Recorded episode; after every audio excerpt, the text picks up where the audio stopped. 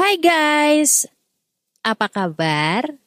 Alhamdulillah ya kan. Di setiap keadaan harus selalu bilang alhamdulillah. Katanya tuh indahnya akhlak seorang seorang lagi seorang mukmin adalah semuanya itu indah urusannya.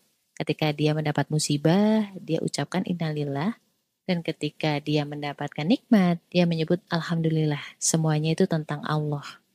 Ketika salah satu pintu rezeki tertutup, pasti Allah bukakan pintu rezeki yang lain. Contohnya, gue kan belum dapat kerjaan-kerjaan ya kan. Secara kacamata dunia, rezeki dalam bentuk uang, fasilitas ya kan, berkurang. Tapi kita bisa melihat dari sudut pandang yang lain. Ketika gue belum dapat kerjaan, Allah kasih gue tambahan rezeki waktu bersama anak-anak. Ketika lo lagi kekurangan, cobalah cari sudut pandang yang lain yang bisa membuatmu lebih bersyukur. Ketika kalian dengerin podcast gue, itu juga rezeki loh. Gue ngerasa berharga. Gue ngerasa konten gue ada manfaatnya buat orang lain. Apalagi kalau ada yang komen. Makasih kepada Ami Eloy yang udah ngirim pertanyaan di komen Pogo FM. Kak, cara buat tidak sombong gimana sih kak? Emang sih nggak ditunjukin. Cuma kadang suka mikir, ah elah ternyata gue lebih baik dari dia. Itu kan sombong ya kak? Gimana kak?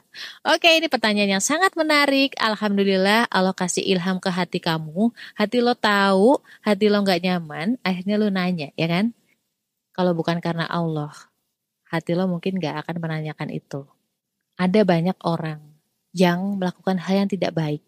Itu mereka tidak tahu, yang lebih parah adalah ada banyak orang juga yang mereka melakukan hal yang tidak baik. Mereka udah tahu tapi nggak mau tahu.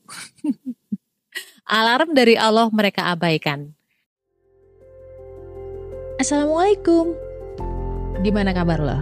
Alhamdulillah. Apakah lo lagi ngerasa kesepian atau sendirian? Kenalin gue Ria Marliana, teman healing lo di podcast Self Healing. Di sini kita bakal ngobrol bagaimana sih belajar berdamai dengan luka, tentu aja atas izin Allah Subhanahu wa taala. Semoga Allah sembuhkan lukamu, ringankan bebanmu dan kuatkan hatimu. Disclaimer terlebih dahulu ya, ketika gue ngomongin sesuatu di podcast ini, bukan berarti gue tuh orang yang jauh lebih suci dibanding lo. Gue juga sama-sama belajar. Kita masih sama-sama diuji nih, kita masih sama-sama ngerjain tes dari Allah. Rapotnya dibagiinnya nanti ketika di akhirat, di yaumul akhir. Yang pertama, fitrah manusia memang membandingkan dirinya dengan orang lain. Ada fitrah-fitrah semacam itu memang. Fitrah itu artinya bawaan jadi wajar ketika mungkin lo melihat orang lain terus membandingkan dengan diri lo, eh ternyata gue lebih baik gitu. Sebenarnya itu hal yang manusiawi. Lalu yang kedua, betul bahwa definisi sombong adalah merasa lebih baik dari orang lain dan ada dannya ya, dan menolak untuk menerima nasihat. Lalu yang poin tiga, Alhamdulillah Allah sudah kirim sinyal, eh jangan sombong, kayak gitu kan. Berarti ada ilmu yang harus kita pelajarin. Karena ilmu atau cahaya yang bisa menyingkirkan keraguan.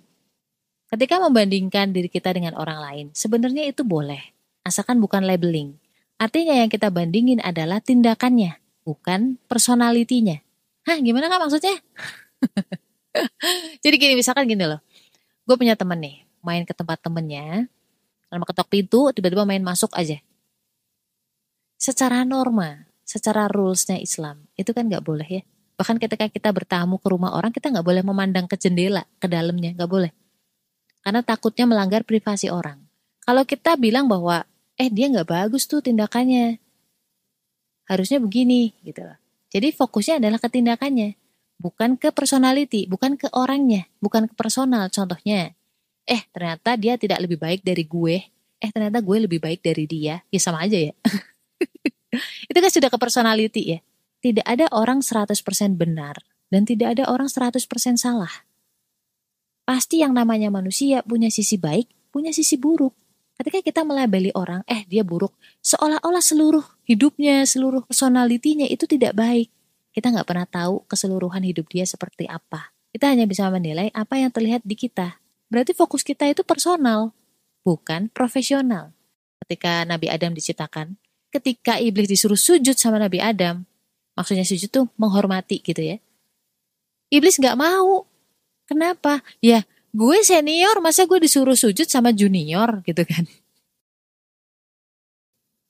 kan sudah main ego di situ udah main personal di situ bahkan ketika Nabi Adam menunjukkan bahwa dia tahu banyak hal di dunia ini di bumi ini iblis sudah nggak mau tahu karena apa sifatnya personal kalau udah sifatnya personal membandingkan apalagi bilang bahwa dia lebih baik dia lebih senior udah ngomongnya udah nggak pakai ilmu itu udah main ego, gue senior lu junior gitu. Nah ini yang gak baik.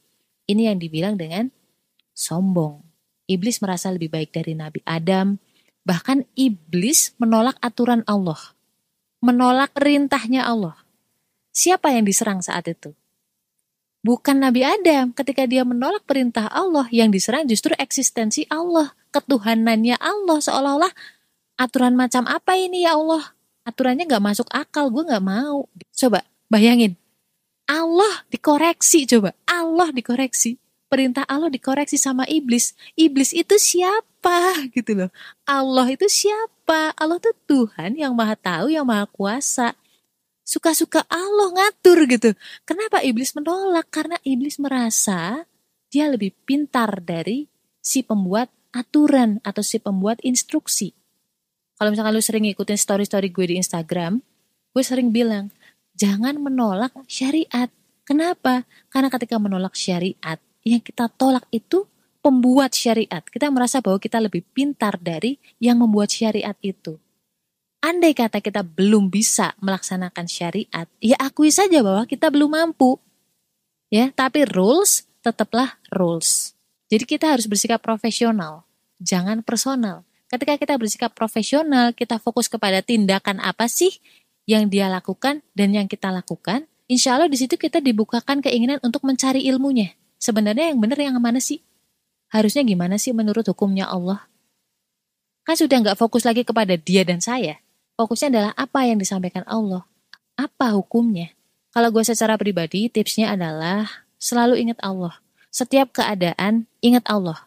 Apa pun, di mana pun, seperti apa pun kondisinya, selalu libatkan Allah di situ. Contoh, dia telat mulu ya kalau berangkat ke kantor. Eh gue lebih tanggung jawab ya dibanding dia gitu kan. Sebenarnya kita nggak pernah telat. Kita bisa berbuat baik. Kita bisa beramal. Contohnya kita bisa berprestasi. Itu karena siapa sih? Karena Allah kan. Mungkin orang lain lagi ada masalah. Mungkin dia itu malamnya lembur.